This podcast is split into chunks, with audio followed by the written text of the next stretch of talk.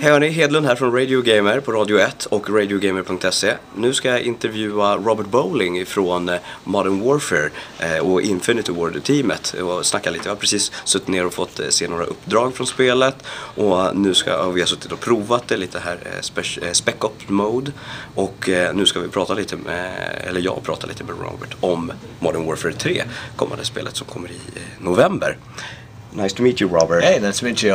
Uh, I have to ask first, uh, what effect did the uh, unfortunate Zampella West incident have on the development of Modern Warfare? Yeah, well, anytime you lose uh, any member of your team, regardless of who they are, you know it's impactful because we're a very close knit family of friends who who've been together for a long time. So uh, what you had to do is, luckily, we had the majority of the company still at Infinity Ward who had a very passionate vision for what we wanted to see Modern Warfare 3 become, things we wanted to see change, added to since Modern Warfare 2. So that team remaining, you know, we took a step back and we're like, okay, how can we execute on this vision? And luckily, you know, we we partnered up with a great team at Sledgehammer Games who came in and not only allowed us to execute on the vision that we had for the game, but also build on top of that in ways we never had before.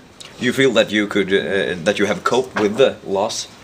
Uh, you have, yeah, from a development standpoint, because I mean, you know, I'm extremely proud of what we've delivered with Modern Warfare 3. You know, we're almost to the finish line now, and we've managed to get that size and scope that we've never had before in a Call of Duty, and that was a major accomplishment for us. This is uh, obviously the third game in the series. Uh, yeah. What kind of experience do you want to give the audience this time?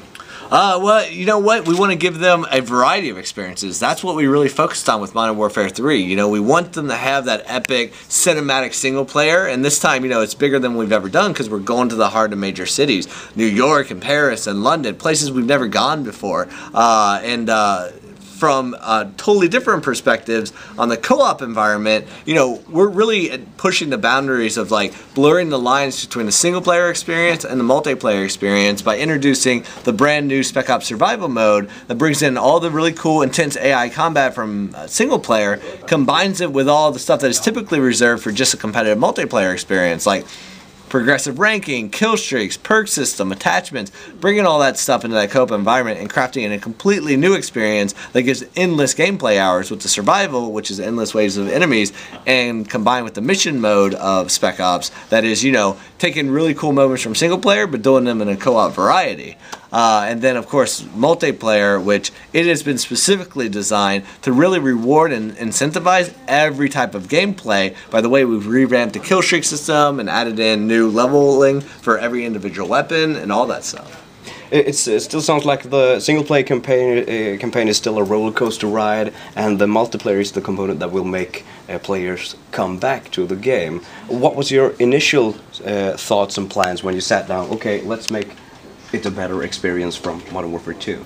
Uh, in, in the multiplayer sense? Uh, well, the multi- multiplayer, because that's what kept the Modern Warfare franchise al- very much alive. Right, on yeah. both Xbox Live and PSN and PC. Yeah, what, what, what we focused on with Modern Warfare uh, 3 multiplayer was really looking at how our players played our previous games. And what we learned in Modern Warfare 2 was, we, you know, with things like the kill streak system and how the game was just inherently designed, we really catered towards that team deathmatch mentality of sort of players. But then looking at player trends, we realized that with 30 million people online, people played our game in vastly different ways. You know, you had the objective guys like me who are playing dominations, not getting kill streaks, not getting those sorts of rewards because they're focused on the objective. They're not focused on getting kills. So with Modern Warfare 3, we wanted to open it up to make the game more accessible and incentivize, you know, team play, objective play. So that's why we've completely revamped the kill streak system into the point streak system. So now you get points for kills, of course, but you also get points for capping objectives. You get points for every two assists with Hardline Pro.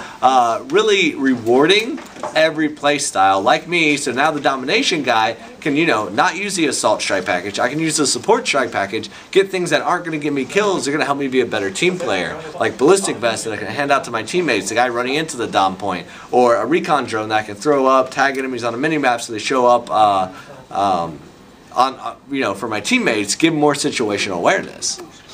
Well, the Modern Warfare series ever wander away from the Hollywood roller coaster ride uh, type of experience and walk into serious storytelling, like, uh, for example, telling uh, the story of a perspective from a perspective of only one soldier and uh, being a part of a bigger war and with a family back home. Or will the Modern Warfare experience always be about the action? Right. Well, that that's what it makes Modern Warfare what it is. I mean, that that's the design we're going for. Uh, is we want to be very authentic in the weapons and the gear and the tactics that you're using, but then we want to sacrifice realism for the fun, and that's what's most important to us in you know Call of Duty Modern Warfare 3 and our design philosophy in general.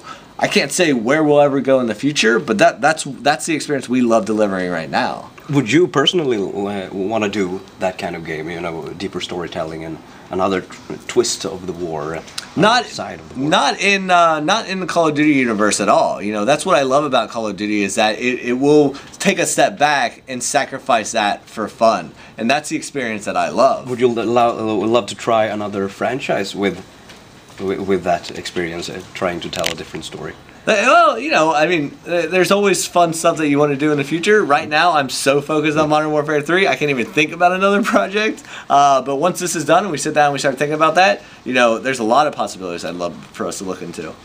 Uh, without having having seen the full game yet, have you have uh, I have wondered uh, had to wonder if uh, the Modern Warfare franchise uh, is ready for a female protagonist. Right. I, I, I think it definitely is. I think there's a, a lot of really cool things we could do and introduce that into the story um, that didn't really fit with the story we were telling with Modern Warfare 3, since it really is a payoff on the characters that we started from Call of Duty 4, uh, rather than about introducing new ones. Uh, but I, I think there's definitely room, and I would be excited to see that. Uh, Modern Warfare uh, 3 is not directly, maybe, but in the long run, competing against another military FPS made in Sweden. Right.